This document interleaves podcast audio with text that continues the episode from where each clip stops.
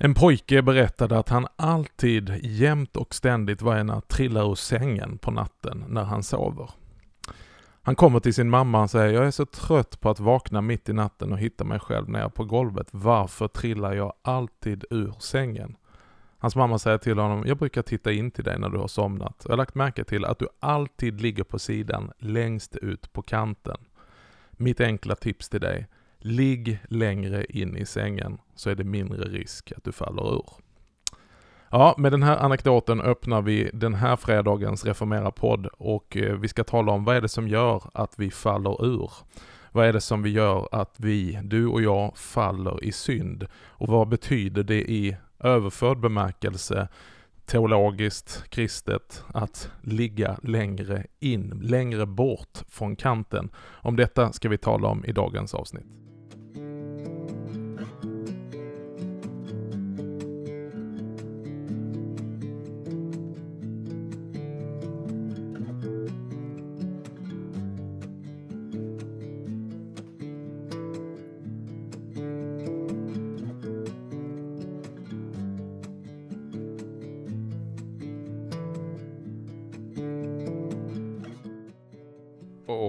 Som sitter här är i vanlig ordning Magnus Persson, inspiratör och präst i EFS. Jag, Johan Eriksson, chefredaktör för Budbäraren. Och vår återkommande gäst nu, Thomas Nygren, lektor på Johannelunds teologiska högskola. Är det mer vi ska säga om det? Är, finns det fler titlar vi kan? Nej. Okay. han är präst, det, han är, han präst också. Ja. predikant, Predikant. Eh, blivande schackspelare, Ja, före detta rektor. Före detta rektor, jag är mycket före detting. Ja. Men du är väl älgjägare? Har förstått. Ja. Eh, men jag, jag brukar be till Gud att jag inte ska träffa på någon älg. Alltså, jag ber att om en älg kommer ska jag träffa den, men att jag inte ska träffa på någon. Därför att jag tycker det är så jobbigt att ta ur älgen. Så det, det är bättre att mina jä- jägarkompisar får göra det. Du, på tal om det, före detta.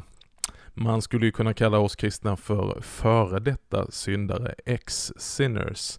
Eh, och säga att ja, men vi var en gång syndare, men nu har vi blivit förlåtna. Men den erfarenheten som varje ärlig kristen gör, det är att synden förbliver i, som en verklighet i våra liv. Hur hanterar man det? Om det tänkte vi tala om idag. Vi tänkte också utveckla det.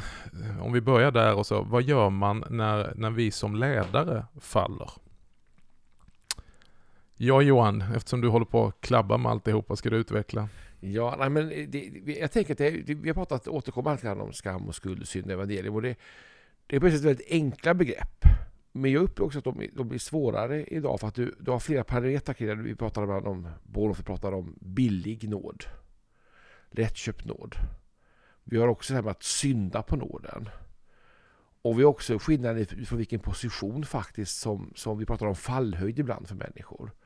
Jag tänker att det här behövs sammanfatta det som händer också idag. Det är en förvirring där eh, människor till synes döms väldigt hårt för väldigt små saker. To- Toblerone och blöjor är ju en klassiker Mm. idag. Medan andra då eh, komma undan med ganska anmärkningsvärda saker. Och det, det här ligger ju alltid i den här kulturen vi pratar om. Så att vi måste borra oss in lite där känner jag. Och inte minst helt plötsligt sekulära människor som annars aldrig citerar Bibeln eh, har ju en eh, enorm eh, selektiv bibelkunskap där man direkt går då till berättelsen om kvinnan som blev tagen på Mm. bar gärning, äktenskapsbrott. Och Jesus säger den som är utan synd kasta första stenen. Och ingen, de blir ju träffade då och, och, och liksom inser att det är ingen här som är utan synd så att man släpper sina stenar. Hon är kvar ensam med Jesus och Jesus säger inte jag heller dömer dig. Men så säger han en annan sak. Gå nu och synda inte mer. Eh, om vi ska bena ut detta, lektor Nygren. Vad, eh, vad betyder det här? Går det att leva ett liv helt fritt ifrån synd? Nej. Det är det korta svaret. Det, alltså, vi, att jag tänker mig att vi, att vi egentligen för att få grepp om vad synd är måste gå ännu djupare än att tänka på de här snedstegen och ja, sak, eller när människor gör uppenbart onda saker. Alltså det, det, de flesta av oss är ju inte frestade av att, att eh, klubba ner någon annan eller eh, snatta eller så här, även om den frestelsen kan uppstå ibland.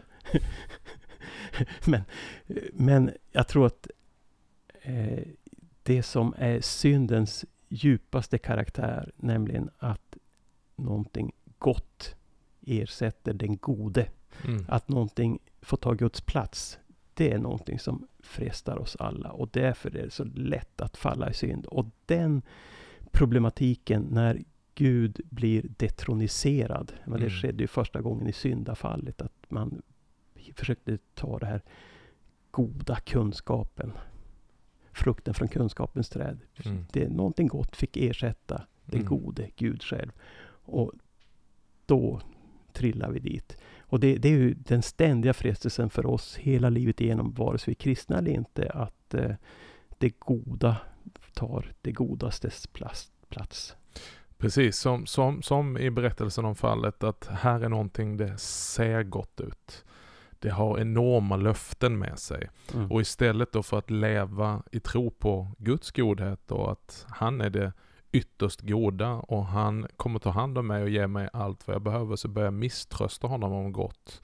Och istället tänka, det är någonting jag missar om jag inte får tag i detta som ser så gott ut. Att mitt liv börjar kretsa kring detta goda istället. Mm. Precis, och, och Bibeln beskriver synd som tomhetens välde. Mm. Eh, för, för det, det, det är ju så att när, när man söker någonting och, eh, och tänker att det där ska ge mig lycka och så, och så får man det där. Mm. Jag pratade häromdagen med en man som, som berättade att han hade faktiskt nått upp Mm. dit han hade strävat när det Mm. handlade om att tjäna pengar och göra karriär. Men det var tomt där uppe. Mm. Det var tomt. Eh, Och det, det, det är ju så, tänker jag, med alla frestelser egentligen som vi möter. Att, att de, de verkar så fantastiska före. Men efteråt så har de avslöjat sin tomhet. Man, det, det sa man uppe i Norrbotten, Västerbotten, därifrån där kommer, om, om eh, sexuella frestelser. Så sa man att, att före ger det värt eh, en hel ox, efteråt är det inte ens värt hårna. Alltså före är det värt en hel oxe, men efteråt är det inte ens värt hornen på Mm. oxen. Eh, så, eh, så synd, synd handlar om, egentligen väldigt mycket om, om att vi luras att tro att någonting är, har ett annat värde än Mm. vad det har. Och när vi tillskriver det Guds värde, då blir det tomt. För att Mm. i jämförelse med Gud är allt tomt. Mm. Och det, vad är det vi tillskriver sådana värden? Jo, det är goda saker som i, på rätt plats eh, har en fantastisk funktion, men på fel plats blir helt förödande.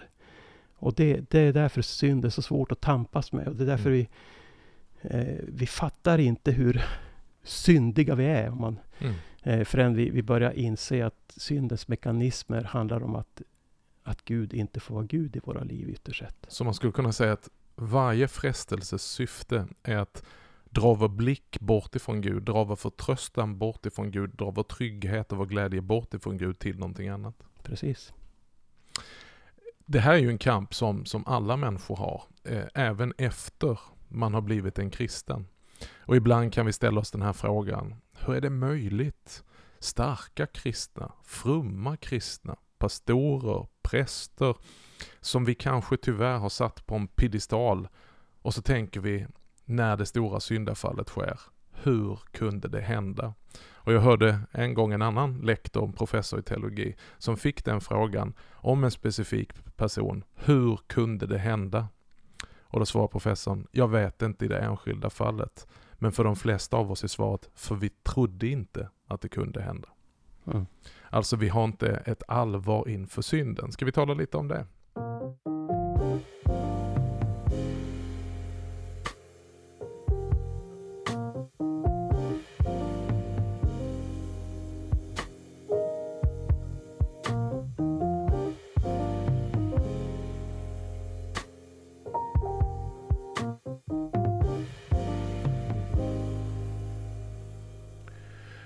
Jag, jag tänker, det är, det är ganska lätt och enkelt när vi kan identifiera en synd som synd. När samvetet slår till och, och vi söker nåden, då, då fungerar alla de här mekanismerna. Men jag tänker svårigheten är ju tvåfaldig. Det ena är när, när det är någonting som vi inte identifierar som synd. Eller som omgivningen inte identifierar som synd. Och det andra är när vi faktiskt väljer att skapa en livsstil där vi förljuger och döljer den här synden. Och där, där tänker jag också problem att se på det här med ledarskap. Att vi brottas ju alla med det här i våra liv. Men när du står i en ansvarsställning, när du har människors förtroende, då skapar det också en fallhöjd. Som gör att man har ett större förtroende och det som kanske är en banal synd, i någons fall då en Toblerone-kaka, ett par blöjor, blir faktiskt en enorm fallhöjd. Och det här skulle jag vilja att vi benar lite i. Men vad gör man med synden då? Vi, vi, för det första så kanske det är viktigt att erkänna. Alltså att ha en teologi som också rymmer att det som vi på Luthers språk kallar för simul justus et peccator, alltså samtidigt rättfärdig, men också syndare. Alltså att synden finns kvar och för sin kamp i oss. Mm. Ja, synden lurar ju alltid vid dörren. Mm. Och tänker man att man är på den säkra sidan, så då är risken för fall ännu större. Och det, det är det som jag tror kan vara bedrägligt i en del kristna miljöer. Att man tänker att jag är så helgad, jag har mognat så mycket som kristen. Jag är, jag är kristen ledare så det här är eh, ofarligt för mig. Mm. Eh, det, fi- det finns också en, en slags mekanism där man tänker att jag har gjort så mycket gott för kristenheten. Jag har betytt så mycket Mm. så att nu har jag faktiskt tjänat ihop till, till eh, att ta mig friheter här. Mm. Eh, Det, det är liksom en, en annan typ av mekanism som, Mm. som dyker upp där som, som kan så väldigt lätt bedra oss. Ja, det blir lite som den lilla pojken, att vi, vi, vi ligger på kanten Ja, och tänker Mm. att jag är ju ändå kvar i sängen, men jag ligger alldeles ute vid kanten och så helt plötsligt så behövs det bara en liten rörelse så ligger jag på golvet. Mm. ja precis. Vi, vi, och och det, det är så typiskt när vi frågar efter gränserna istället för efter centrum. Därför att då, då, då visar det åt vilket håll vi tittar. Eh, när vi tittar efter gränserna, då tittar vi utåt. Då Mm. tittar vi från Gud. Tittar Mm. vi på Gud, då kommer vi att dra oss mot centrum. Så, så att eh, det, det finns liksom någon slags eh, avslöjande kring vad vi, vad vi diskuterar och frågar efter också, tror jag. Men är det så, talar vi för lite om synd? Och talar vi för lite om, om syndens allvar? Jag tänker på de gamla puritanerna. John Owen, han sa ”Be killing sin or sin will be killing you”. Alltså man, man, och kanske ibland så gick det till hårdhet och lagiskhet och så vidare. Men det finns en ton där som jag tänker att den stöter vi inte på så ofta. Nej, men det är klart att synd, synd behöver vi tala om på ett allvarligt sätt. För att synd gör ju så oerhört mycket skada i våra liv och andras liv. Så det, det, eh, men, men jag tror att, att det vi framförallt eh, behöver prata om, det är vad det kostade Gud att åtgärda synden. Mm. Det, det, det, Johan, du var inne på det här med billig nåd. Mm. Billig nåd är den stora risken när vi tänker att eh, förlåtelse är gratis. Mm. Mm. Men förlåtelse är inte ett dugg gratis. Eh, förlåtelse kostade Gud oerhört mycket. Menar, tänk den otänkbara tanken att Gud själv smakar på döden genom Jesus Kristus. Det är en otänkbar tanke filosofiskt sett. Ett oerhört pris. Gud själv tar helvetet. Den oskyldige, den alltigenom rättfärdige, gode och helige ställer sig i syndares plats. Mm. Men hur gör vi då? För det kommer den här spännvidden in igen. Jag tänker att eh, ja, billig nåd. Jag förväntar mig att alltid vara förlåten även om jag eh, lever ut. Och, och det är en intressant fråga. Om jag då väljer att leva som man säger, i en synd. Kan jag då få förlåtelse hela tiden? Eller vad, eller vad händer i det här förhållandet när jag... Alltså, jag, jag, jag tänker mig att, att, eh, att vi, vi kan välja att leva, eh, att missbruka nåden. Mm. Det, det tror jag vi kan göra. Eh, och jag tror att den som betalar högsta priset för det är jag själv. Mm. Därför att det innebär att jag kommer att söka mig ut på sängkanten för att ta den här Mm. lilla anekdoten du jo, eh, berättade. Mm. Magnus. Och, eh, och att leva, att ligga på, på sängkanten och vara rädd att trilla ur. Liksom det, det, Det, är ingen, det är ingen fridfull sömn. nej, det, det blir inget bra. Och det kan göra ont också. Jag tänker, att trilla av smär- jag tänker att smärtan när man faller ur sängen måste ju vara något som väcker Mm. mig. Mm. Och förstår att någonting är fel. Ja, ja nej, men alltså, det, det, den levande tron är ju en gudsrelation. Mm. Och den relationen eh, är jag ju angelägen om. Och det innebär ju att, att jag kommer att vilja söka mig inåt i förlängningen. Men vi vet ju hur det är. Vi, vi, eh, vi brottas med, med våra egna förgudanden av andra saker och Mm. framförallt förgudandet av vår egen vilja, våra egna önskningar och oss själva. Men jag tänker att det här, det här vi pratar om, det, det är ganska självklart. Det är en aspekt, det är ganska lätt att förstå. Det är lätt att ta till sig sitt eget liv och, och se sig i spegeln. Jag tänker att problemet uppstår när vi talar om ledare. Dels ledare i största allmänhet, men också ledare som gör stora anspråk och som kanske ibland också sätts på väldigt höga piedestaler. Och där ser vi tyvärr kristet gång på gång att, att det håller inte. Och så blir det väldiga konsekvenser, men också stora förtroendeskador. Och i värsta fall ledare som vägrar erkänna sina misstag utan som faktiskt klamrar sig fast vid någon från position. Eller, och, och, och då blir det här inte så enkelt som vi pratar om det nu. Nej, men det här är ju kyrk, det här är inget nytt problem Mm. i kyrkans Mm. historia. Det, är- det, är- det är på grund av det här som, som de allra flesta kyrkor har haft och har något, något sätt att hantera Mm. de som är, har förtroendeuppdrag som Mm. ledare, som Mm. predikanter, präster, pastorer. Eh, och det, det här hanteras ju redan i, eh, i Bibeln, i pastoralbreven som de kallas, eh, där man låter eh, konsekvenserna av en ledares livsstil också få konsekvenser för hur, hur det är möjligt att, att fortsätta att vara ledare. Eh, och, och, jag, jag, och det handlar ju inte om om den människan har en rätt relation till Gud eller inte ytterst Mm. För att det, den har nog Gud åtgärdat i Jesus Kristus Mm. så länge vi gör eh, håller oss fast vid det Mm. som människor. Sen kan vi missbruka det. Och de missbruken kan till exempel innebära att jag försöker klamra mig fast i en ledarposition där jag inte har förtroendekapital Mm. för. För ledare lever på förtroende som vi varit inne på Mm. i tidigare avsnitt. Mm. Och förtroende är inte, det är inte lika med, bara, bara, bara för att jag kan vara, vara, vara trygg i förlåtelsen som räcks mig inför Gud genom Jesus Kristus, så betyder inte det en automatiskt uppbyggande av mitt förtroende, utan förtroende är någonting som jag förtjänar. Precis, när det handlar om förtroende, där gäller gärningar. Mm. Om vi ska gå tillbaka till den här bilden av Gustav som du pratade om. eh, Ja, det var i tidigare Ja, avsnitt. tidigare avsnitt. Ja, men som du nämnde tidigare avsnitt. Så, så tänker jag att Gustav kan ju då vara både, för, vi kan bli förlåtna och upprättade.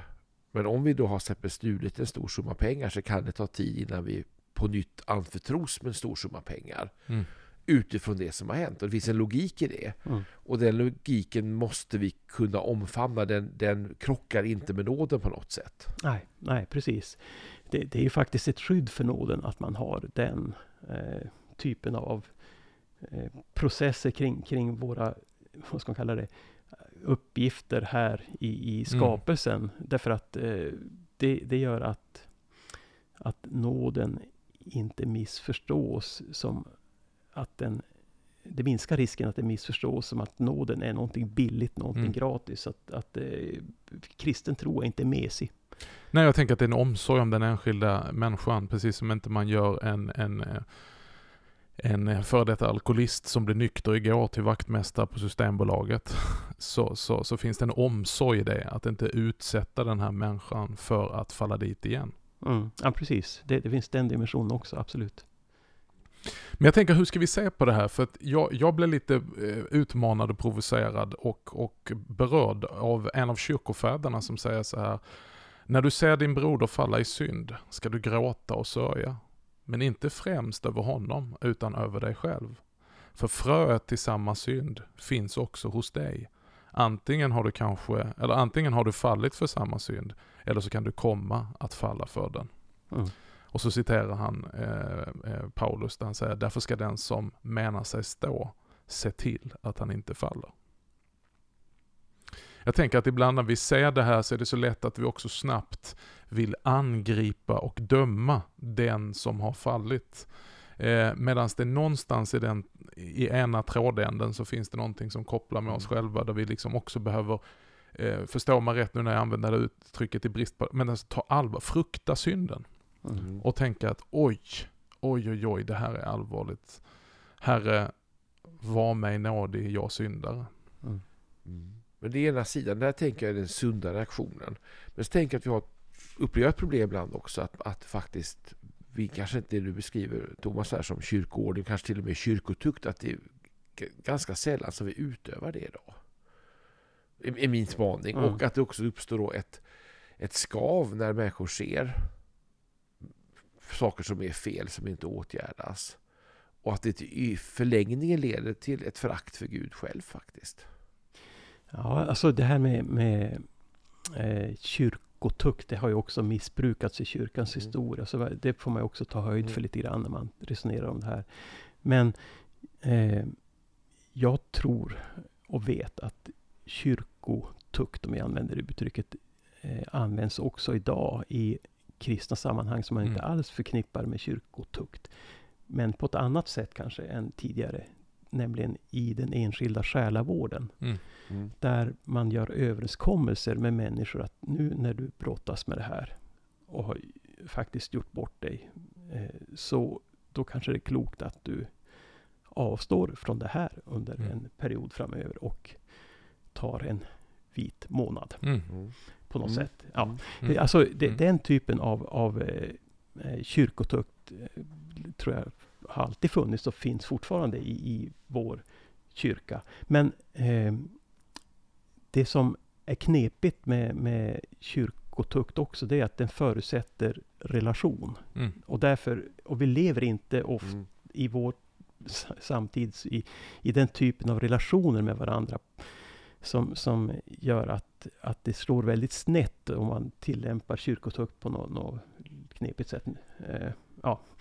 På, på, det uppfattas väldigt snabbt fyrkantigt och mm, blir mm. Eh, någonting som skadar evangeliet mer kanske än det hjälper. Ja, för jag upplever också att det finns ofta ett, ett, ett sorts av och påläge. Människor har enormt stort förtroende och höjs upp väldigt högt. Och sen något går fel, då är det 180 graders vändning. Då får de sparken eller kastas ut eller är inte välkomna längre. Och det, det är det här som balans och då kanske den här kyrkotukten om. Det kan ju vara det att, att, att vi måste vara transparenta. En del saker måste kunna ske offentligt. Men det, får, det måste ändå vara tydligt. För jag tänker att problemet är ju det här eh, när vi höjer upp människors förväntningar och vi är inte är tydliga med, med vad som egentligen gäller. När det sen någonting blir fel och står till väldigt hårt. Och det upplever även faktiskt exempelvis Svenska kyrkan väldigt tydligt att eh, du har många präster med livstidsproblem men när ett problem landar i, i domkapitlet då smäller det ofta ganska hårt. Men om man tar tillbaka det till det du sa, vi, för, för, mm. vi höjer upp människor och sen så mm. sänker vi dem. Alltså mm. det här är ett problem som finns i hela vår eh, tillvaro, hela samhället, inte bara i kyrkan, men det har kommit in i kyrkan också, det vi kallar för kändiskultur. Mm. Eh, alltså, kultur, alltså kult. Vi har en kult kring vissa personer som vi sätter upp på en piedestal. Det är någon sorts missriktad tillbedjan, någon sorts felplacerad förtröstan. Det är någon annan än Kristus som blev vår ställföreträdare på något sätt och som vi sätter vårt hopp till och som vi tycker om finnas runt omkring. Och det blir lite, förstå mig rätt här nu va, det blir lite Jesu intåg i Jerusalem. Oh, Hosianna, här är frälsaren, här är räddaren. Och så snabbt ändrade sig när det visade sig, det var inte så som jag hade tänkt. Det här höll inte för mina förväntningar. Korsfäst honom. Det är en ganska obarmhärtig förhållande som vi ser gång på gång. Senast nu är rektor Hamid ute i samhället. Mm. En människa som bara lyfts upp i alla sammanhang. Mm. Vi ser honom i TV, han sommarpratar. Han är med i någon sån här råd för Moderaterna och Helt plötsligt så hittar man vad han har skrivit på internet någon gång någonstans och så är det bara allt trycks bort. Vi bygger piedestalen och så fäller vi den. Och det här beteendet ser vi ju också, inte minst i, i många nya, ja i alla kyrkosammanhang ska jag säga. Eh, jag tänkte just att, att det, det finns ju en dimension i om vi tar Svenska kyrkans eh, sätt att arbeta med det här, där, där, man faktiskt har ett alternativt sätt att hantera den här typen av saker. Och det är att man eh, sätter människor under tillsyn. Mm.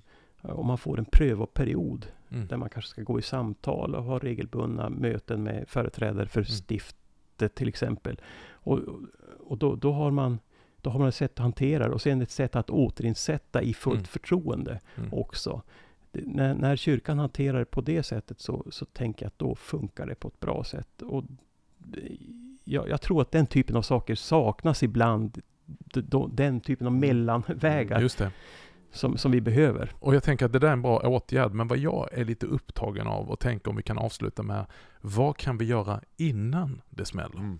Alltså vad kan vi ha för någon friskvård och inte bara sjukvård, om du förstår vad jag menar. Mm. Jag tänker mycket på det här, en av de tankarna jag tänker på att jag tillsyn, det är bra att det finns när någonting har hänt, men jag tänker, tänk om jag tidigare fick lov att välja den tillsynen innan någonting hade hänt. Kanske det bästa beslutet jag själv har gjort, det är att gå i regelbunden själavård och andlig vägledning. Det vill säga att regelbundet ha någon som ställer obekväma frågor till mig. Regelbundet behöva få bekänna min synd, inte bara allmänt i mässan, utan också i den enskilda bikten. Att sätta ord på saker, att spegla mig själv. Jag minns en gång som ung, ny ägare av en Volvo 240 och jag tyckte om den här bil, bilen och jag tyckte om att köra och ha bilen full av folk.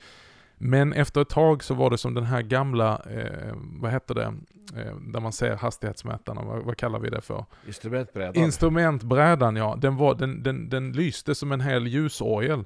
Det var alla möjliga färger som lyste och det var ju varningslampor. De fanns ju där för att påminna mig om att du behöver byta olja. Här är det någonting som är problem med bromsarna och framförallt, du kör på de sista dropparna bensin. Och jag såg ju det men jag brydde mig inte om det. Och sen hade jag bilen full av folk och sa, ser du inte, jag vågar knappt åka med dig, vi kommer snart köra soppatorsk. Och allt för mycket av detta hände ju. Och det var ju inte bara jobbigt utan det kostade ju också mycket. De här lamporna är ju inte till för att döma dig, utan i all vänlighet påminna dig. Och säga du, den här bilen behöver oljebyte nu. Och det blir så mycket bättre om du nu tar emot det här meddelandet, observerar detta och byter olja när du ska. För att gör du inte det, då kan hela motorn skära och det är mycket dyrare än ett oljebyte.